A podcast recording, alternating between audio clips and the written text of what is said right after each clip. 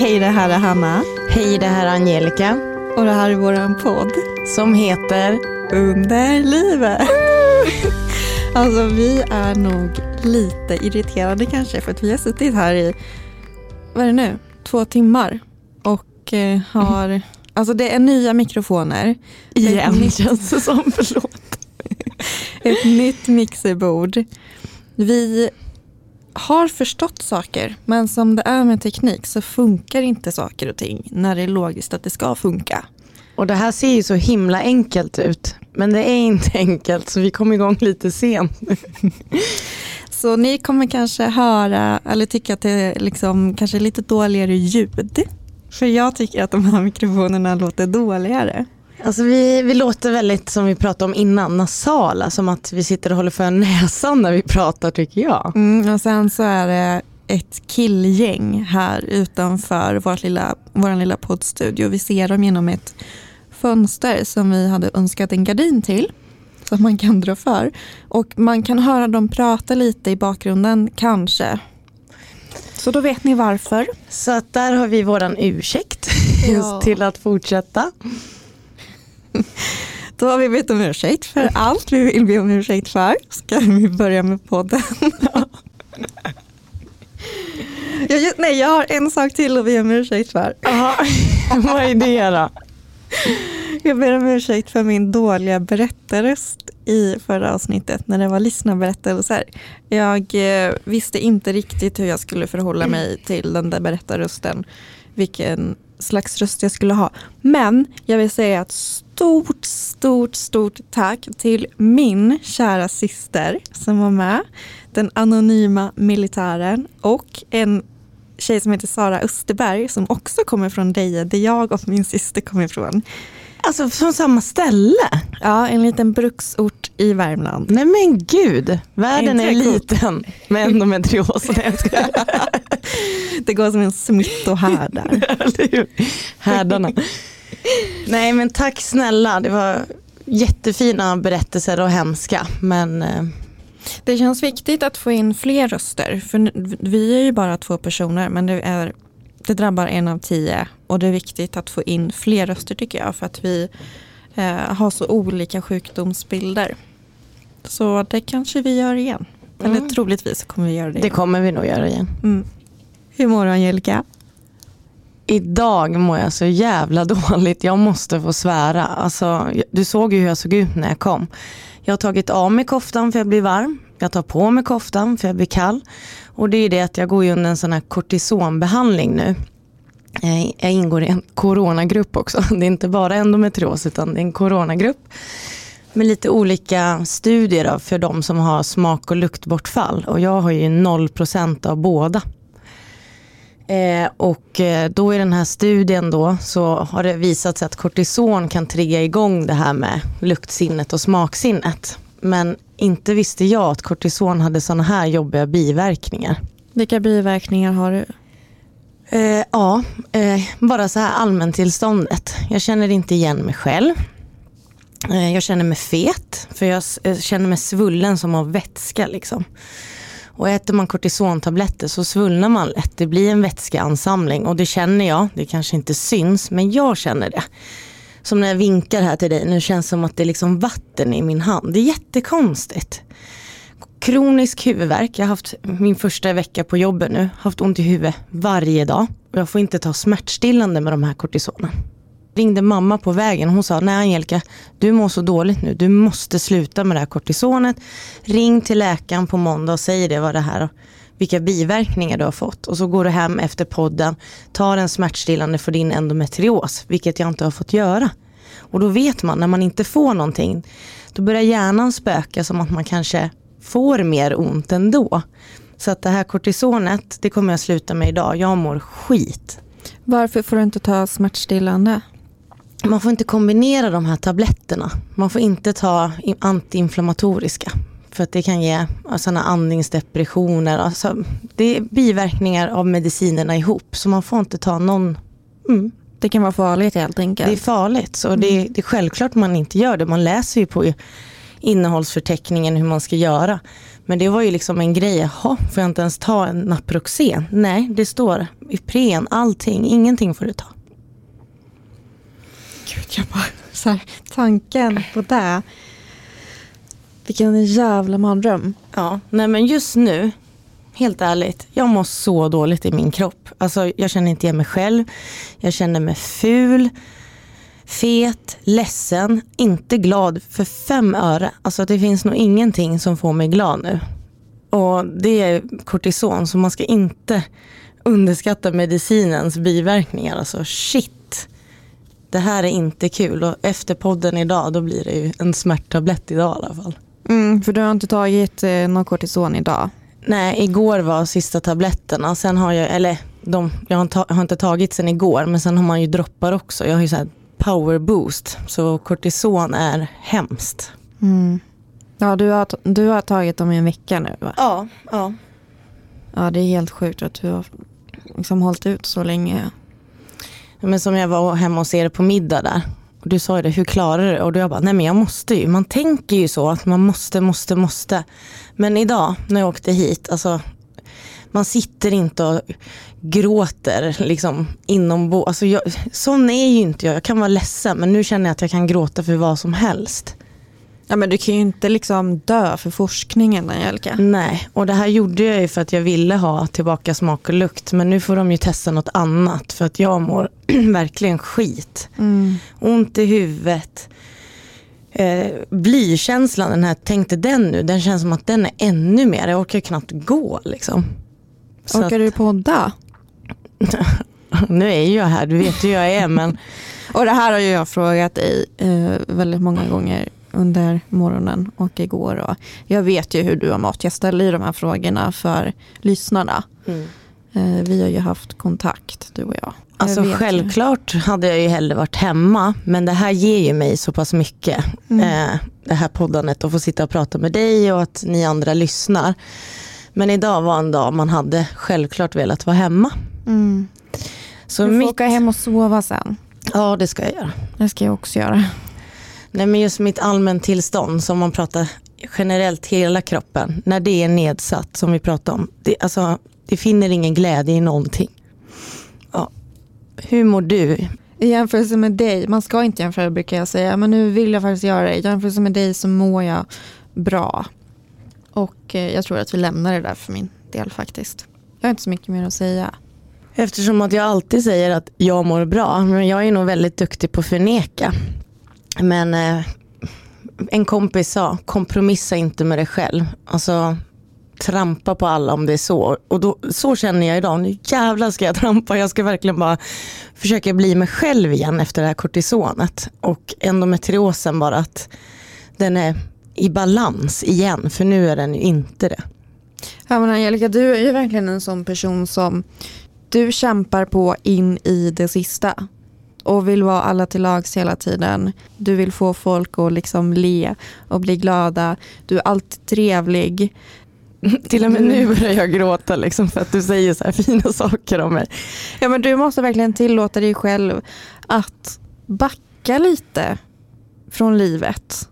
Det sociala livet, det där livet med alla måsten. För det är ju faktiskt, det får vi komma ihåg, även om det inte känns som det, så är det faktiskt ett sjuhelsikes liv och faktiskt ligga i soffan också. Det är också värt lika mycket som att sitta på en middag. Jag måste också, in, nog om mig sen, men just det här med våran relation som vi bygger upp. Att eh, som jag sa innan, jag kan lätt kanske bli lite som en vägg när du säger, för jag skriver ofta till Hanna när jag mår dåligt och då får jag tips. Och så säger hon precis det jag egentligen inte vill höra och då säger jag nej men nu ska jag inte göra så här. För att du är den enda, eftersom att du själv har endometrios, du är den enda som kan trycka och då blir jag lite, vad heter det? Offensiv, nej men vad heter det? Ja men det är väldigt bra. Ja, men just det här att då ska jag liksom försvara, nej men Hanna du vet ju, jag är ju den som orkar, jag säger inte nej och jag ska göra det här. Men att du har kommit in i mitt liv, bara att jag gör det här idag och säger fuck you medicinen, nu ska jag ta tänka på mig själv. Det är mycket på grund av dig, för att du pushar mig jättemycket. Så att då vet man hur viktigt det är att ha en sån fin vän, fast jag inte är så lätt jämt. Jag, jag säger ofta nej, men det, det du säger, det tar jag ju åt mig. Jag kollade upp allting du sa igår, absolut. Att det blev ett sånt här gråtavsnitt, jag har ingen aning, men det är jag som är så känslig nu. Jag är det verkligen. Och alltså att hitta en ändå-kompis, inte en ändå-kompis, utan ändå-kompis, poddkompis och vän. För du vågar ställa mig mot väggen och det gör, mina vänner vågar väl inte riktigt det, men du ställer mig mot väggen och jag, kan, jag blir inte arg, men för jag vet att du har rätt. Och det gör ont ibland. Så att, eh, jag hoppas alla kan känna igen sig i. Att man behöver någon som vågar trycka upp en ibland. Och där sitter jag idag och därför säger jag nu till dig. Idag slutar jag med kortisonet för jag mår ingen bra. Alltså.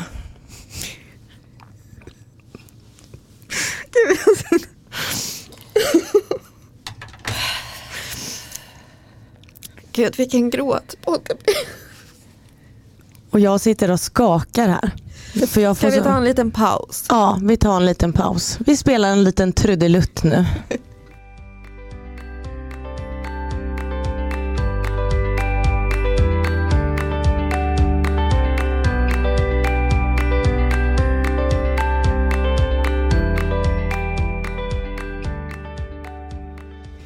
Det här avsnittet ska vi ägna åt träning och aktivitet, rörelse, fysioterapi, lite det området.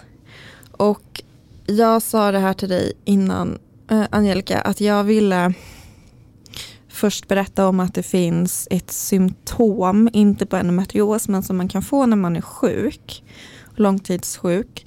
Eh, något som heter sjukdomsrelaterad trötthet och fatig kan man säga också som innebär att man är väldigt, väldigt trött på olika sätt. Det kan vara en mental trötthet och en fysisk trötthet som inte går att vila bort. Och jag är drabbad och du är drabbad, berättar du för mig. Mm. Jag tänkte först att jag skulle läsa på 1177 men istället för att ta upp tid här i podden så tänkte jag att man kan gå in och läsa där själv. Mm. Vi kan ju eh, skriva vad den artikeln heter så får man söka efter den och läsa själv. För jag tänkte fråga dig Angelica hur du upplever sjukdomsrelaterad trötthet. Det är fruktansvärt för att kropp, man vill ju så mycket men om man vet att man bör träna för att det hjälper endometriosen men jag kommer liksom inte iväg för att man fastnar i soffan man fastnar i sängen, man somnar, vaknar upp tre timmar senare och hela kvällen är borta. Alltså det är fruktansvärt och det här har ju kommit mer och mer för mig nu så det är lite, alltså lite nytt för mig. Så jag vill nog höra lite hur du upplever för att jag tycker det här är skitjobbigt.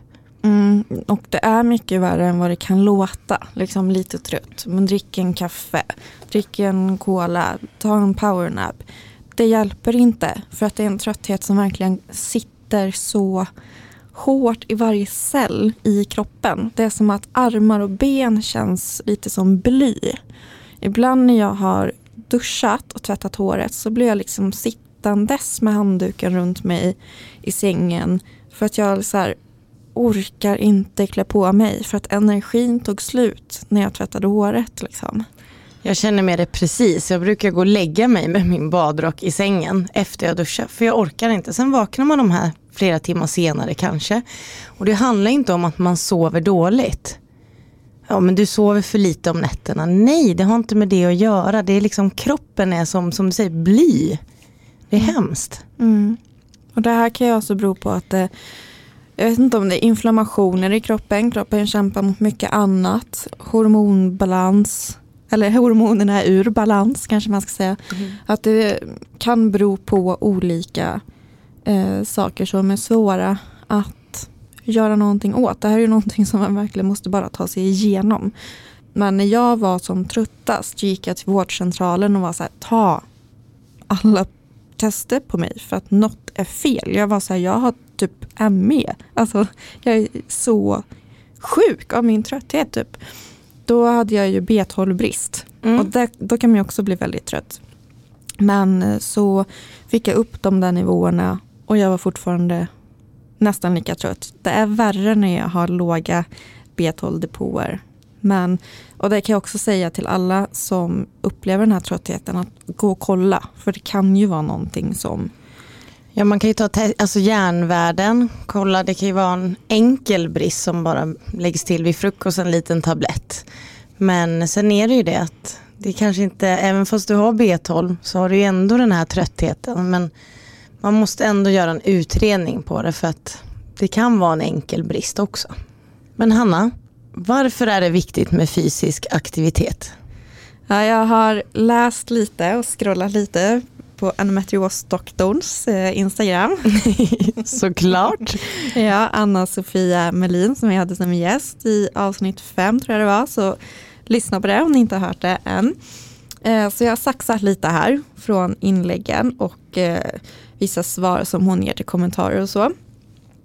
Och vid fysisk aktivitet kan den som har endometrios uppleva att smärtorna blir värre. Och det har ju både du och jag Ja, det är fruktansvärt. Ja.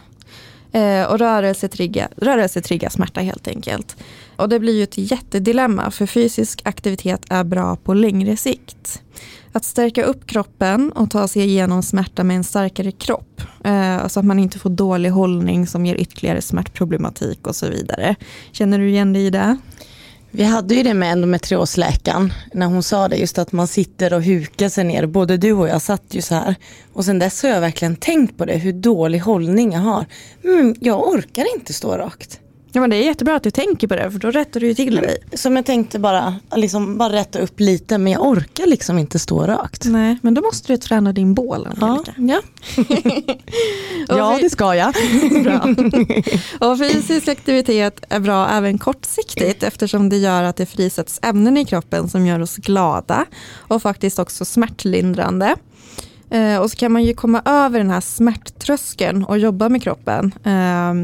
Och när man kommer över den, då är faktiskt rörelse grejen. Eh, och det här gäller ju alla, inte bara oss som är sjuka. Och så tänkte jag på den här gamla sägningen, jag tror att du också har hört det, och jag vet att det är sant, att om man gör något pulshöjande 30 minuter om dagen, typ börjar dagen med en snabb promenad, så fungerar det bättre än antidepressiva mot eh, ångest och så. Och eh, vem har inte ångest nu för tiden, tänker jag. Typ alla. Nej men just träning är ju det, det lindrar ju. Och man vet ju själv om man har kört ett pass eller så, hur bra man mår efter. Mm. Som att du har tagit, tankarna har typ svettats ut. Kan du förstå vad jag menar? Typ mm. att nu känns det bra. Så att det, absolut, det är ett antidepp. Och jag tänkte lite på så här, kroppen som ett kretslopp. Hur kroppen mår och så här, alla delar i liksom, kroppen om man ser det lite som en fabrik med det här kretsloppet i. Att alla delar måste fungera som det ska för att det ska hålla och fungera. Liksom. Så om du inte sover ordentligt så kan det rubba allt och påverka hur du mår psykiskt. Och mår du inte bra psykiskt så blir det svårare att sova. Eh, mår du inte bra eh, psykiskt och får inte tillräckligt med sömn så kommer du antagligen inte röra på dig lika mycket. Din entusiasm för saker kommer försvinna, du kommer inte ha lika mycket energi, du kommer tappa lust för saker och ting och det kommer påverka dig fysiskt. Men det är en sån himla obalans, alltså jag hör ju vad du läser upp liksom. Men när man tänker, träning är bra, men när du är sjuk så är det ett så stort steg. Så det är sån obalans att det här gör mig gott men det gör mig också det är så svårt att ta sig dit. Alltså mm. jag... Mm. Innan jag blev sjuk så sprang jag väldigt mycket. Jag hade bra kondition tycker jag själv. och jag tyckte att det var skönt att springa. Eller jag joggade liksom, gjorde jag. Jag brukade springa med vår eh, familjs hund, Tessan.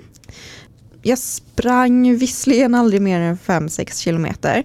Men det var jättebra för mig. Det räckte för mig. Liksom. Hur ofta sprang du då? Kanske en gång i veckan. Det var inte så att jag hade ett schema men jag sprang när jag kände för det. Det var liksom något jag gjorde för att det var skönt. Så det var absolut inte att jag hade något schema eller liksom så här ofta ska jag träna utan det var liksom mer för nöjes skull. Lite så.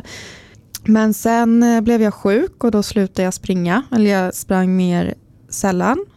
Och då blev det ofta att jag sprang i perioder.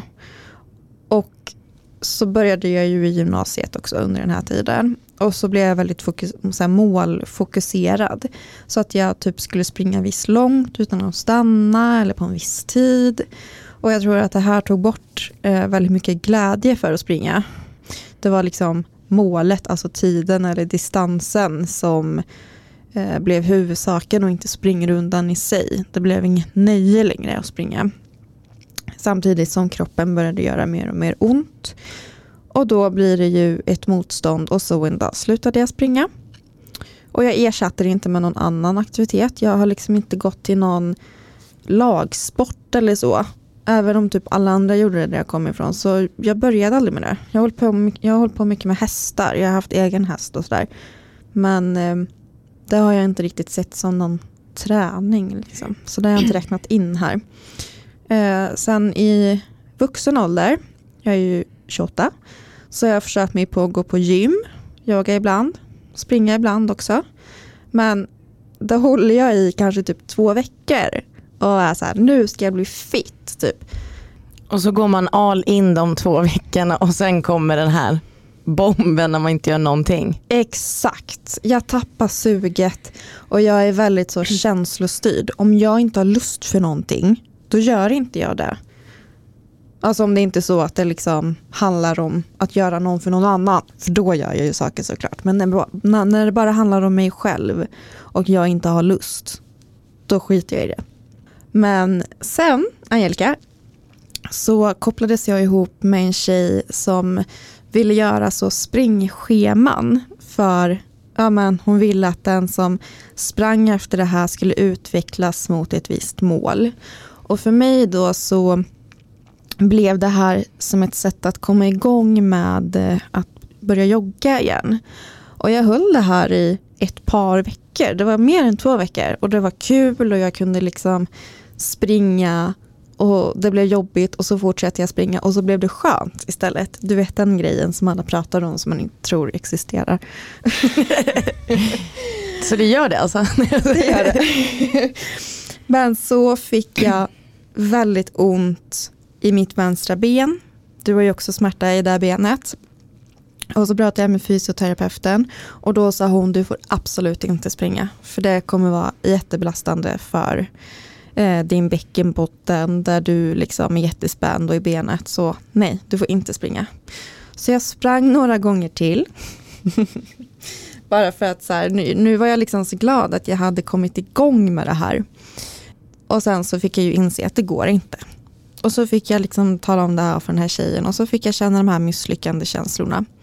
Och sen under sommaren så har jag inte gjort något speciellt. Och sen slog det mig att det finns en träningsform som måste vara så otroligt bra för oss med endometrios. Du vet, värme är ju väldigt bra. Vad är detta nu? Vad du ser finurlig ut. Du har inte ens sagt det till mig. Säg. Hot yoga. Oj. Tror inte du att det är jo, jätte, jättebra? säkert. Och man får så här, alltså, jag tänker att man kan stå längst bak i det här rummet i en sån klass. Eh, alla fokuserar ju på sig själva, tänker jag.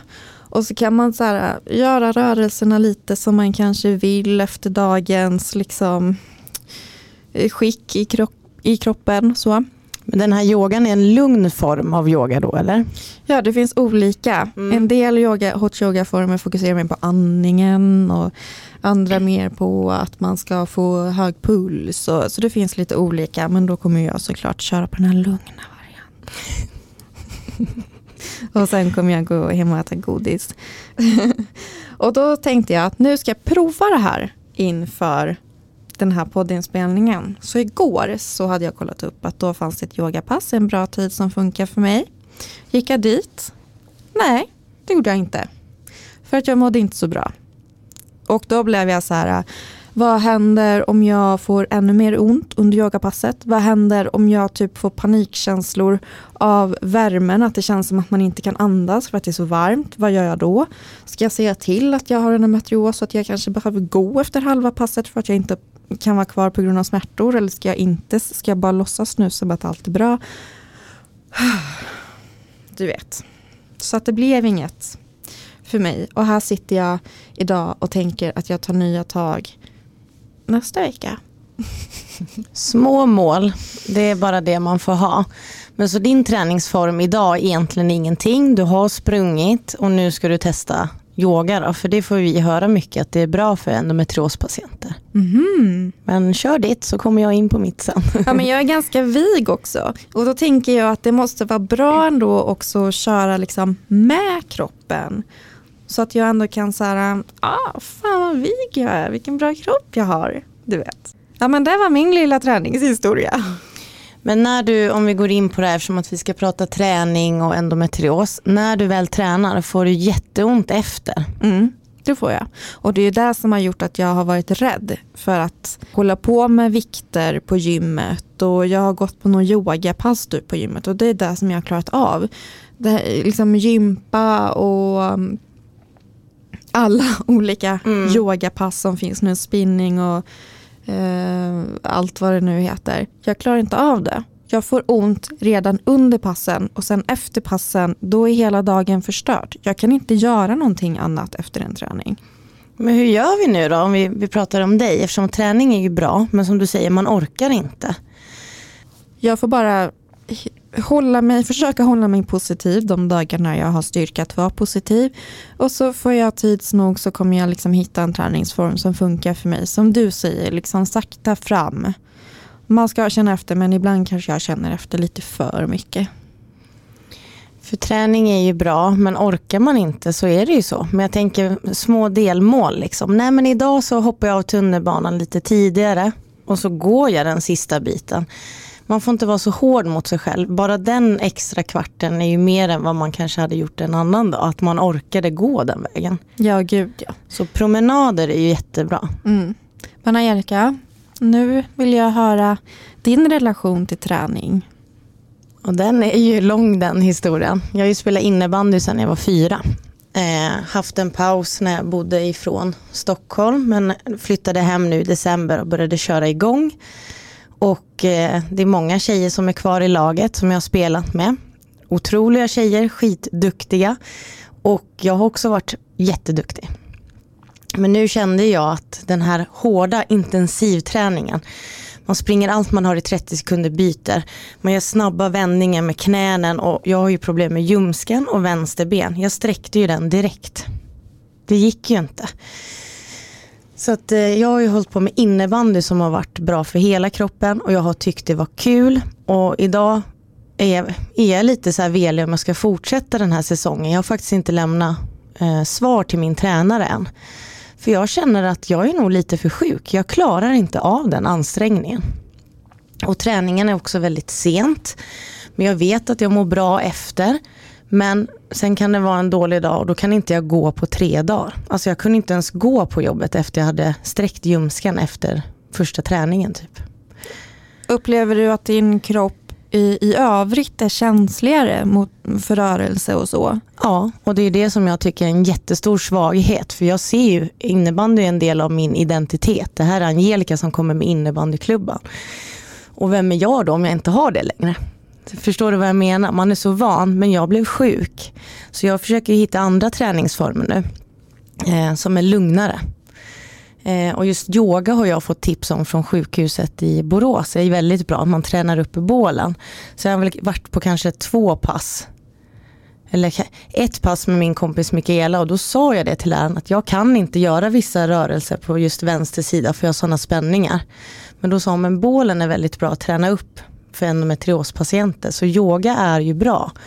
Eh, och eh, det, en, det finns ju både lugna och fartfyllda så känner man att man har en bra dag så kan man ju köra med lite snabbt tempo. För du kommer ju fortfarande inte ha lika ont efter yogan som jag kanske har efter en innebandyträning i två timmar. Så att jag börjar gå över lite till andra träningsformer nu.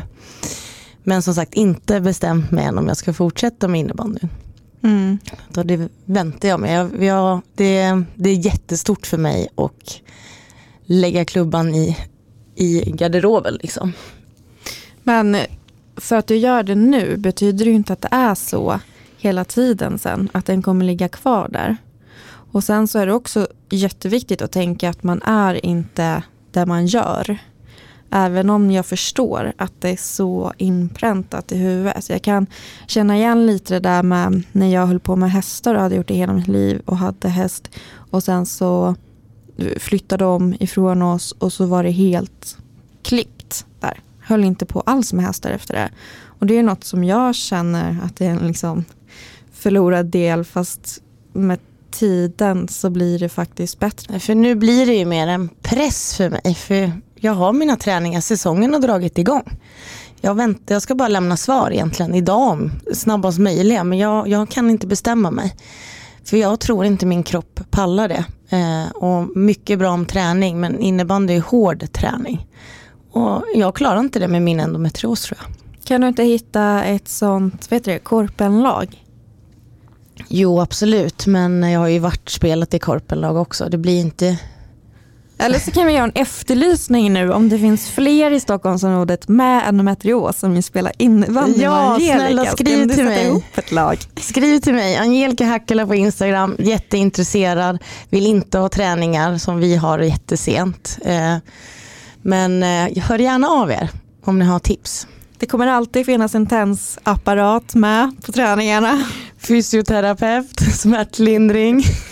Någon kommer alltid ha något litet narkotikaklassat med sig. Ibland kommer ingen, ibland kommer alla.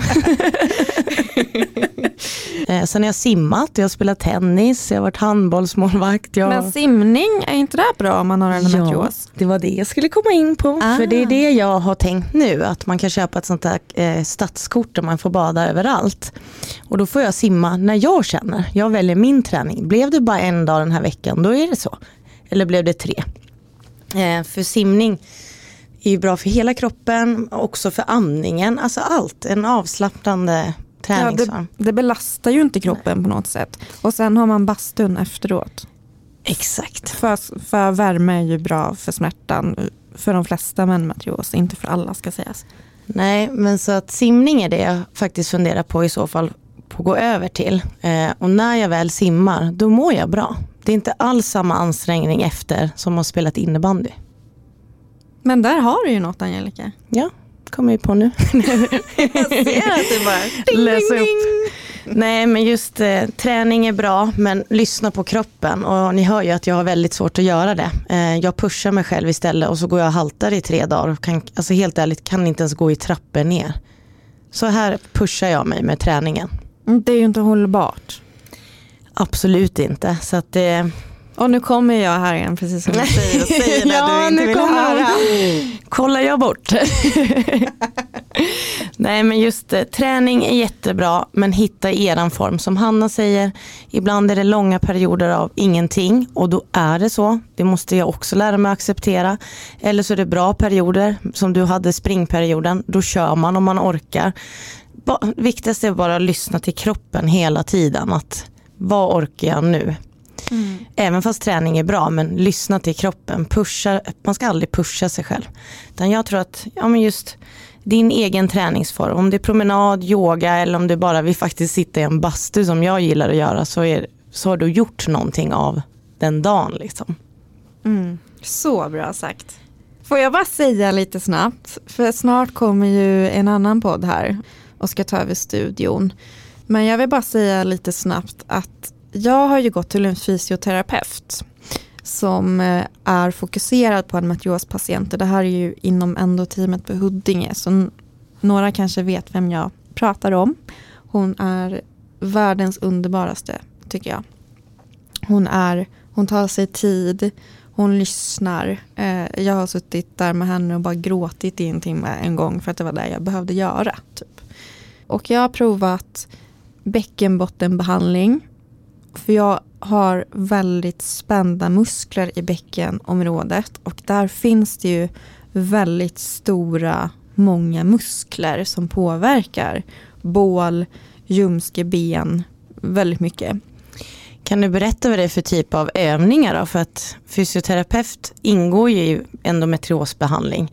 Och vi pratar ju om både träning och just hur man kan hitta avslappning. Hur, hur går de besöken till? Uh, ibland när jag inte orkar göra en behandling, ett behandlingsbesök, så ett bäckenbottenbehandling, så får jag komma dit och så får jag akupunktur.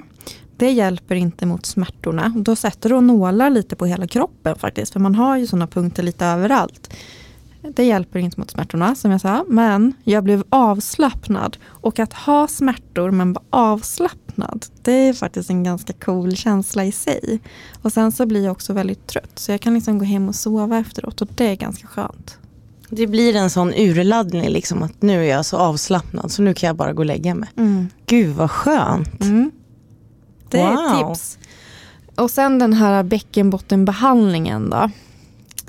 Jag förklarade ju och så här, ja, instruerade, visade lite för Angelica innan här och tog upp mitt pekfinger och liksom förde in den, kan man säga, i luft, alltså visade i luften. Ja, inte här, jag lovar vi är inte så bra kompisar.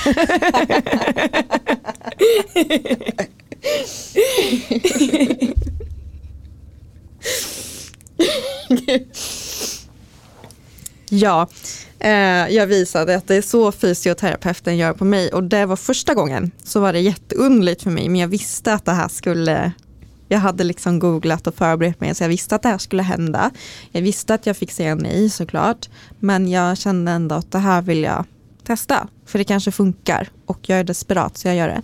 Och då håller hon sitt finger. Först liksom vid öppningen.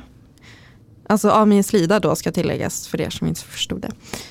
Och så bara väntar hon liksom tills mina muskler släpper in fingret.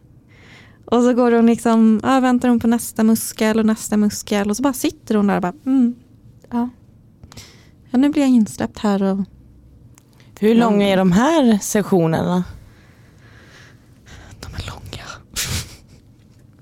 alltså det kan vara liksom, gud för mig känns det ju som 45 minuter, det kanske är 20. Jag kan tänka på det nästa gång jag är där, för nu ska jag dit igen. Hon har ju haft en paus nu i vår och sommar för att hon har vårdat coronapatienter. Eller hon har vårdat med, eller hon har jobbat i coronavården. Så nu kommer hon tillbaka och jag har ju märkt det på min kropp att det har varit ett uppehåll. Så att då har jag ju fått veta nu att den här behandlingen funkar. Så nu är jag faktiskt väldigt positiv att jag ska få komma dit och få det här fingret igen.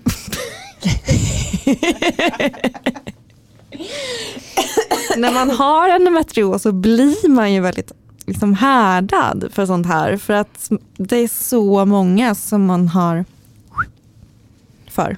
Absolut, alltså, det är så många som vet hur man ser ut under.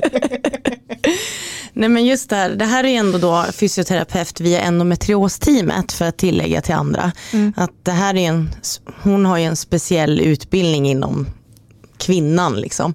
Men ni som har andra som bara, men som jag med benet kanske, det behöver man, kan man gå till en vanlig fysioterapeut via vårdcentral.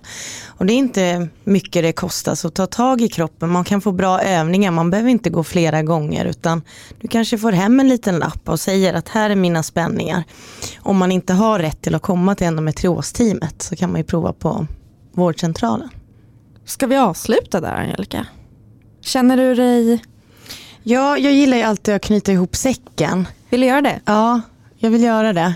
Just det här, vi har ju pratat om våra träningsformer och ni hade ju efterfrågat lite tips. Men det jag har från läkare det är yoga om jag ska bara sammanfatta det.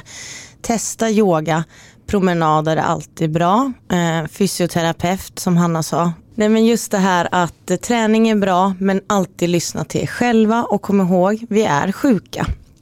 Vi med endometrios. Vi måste se våra begränsningar. Kommer från den, mig då som inte lyssnar på mig själv men Ja, nu är klockan eh, 18 på en lördag kväll den 5 september och jag tror att både du och jag behöver nog kanske gå hem och varva ner lite.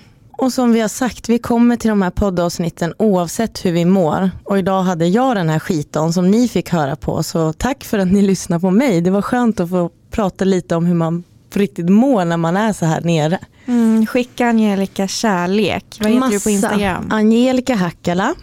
jag gillar GIFs. Nej men tack snälla för att ni har lyssnat.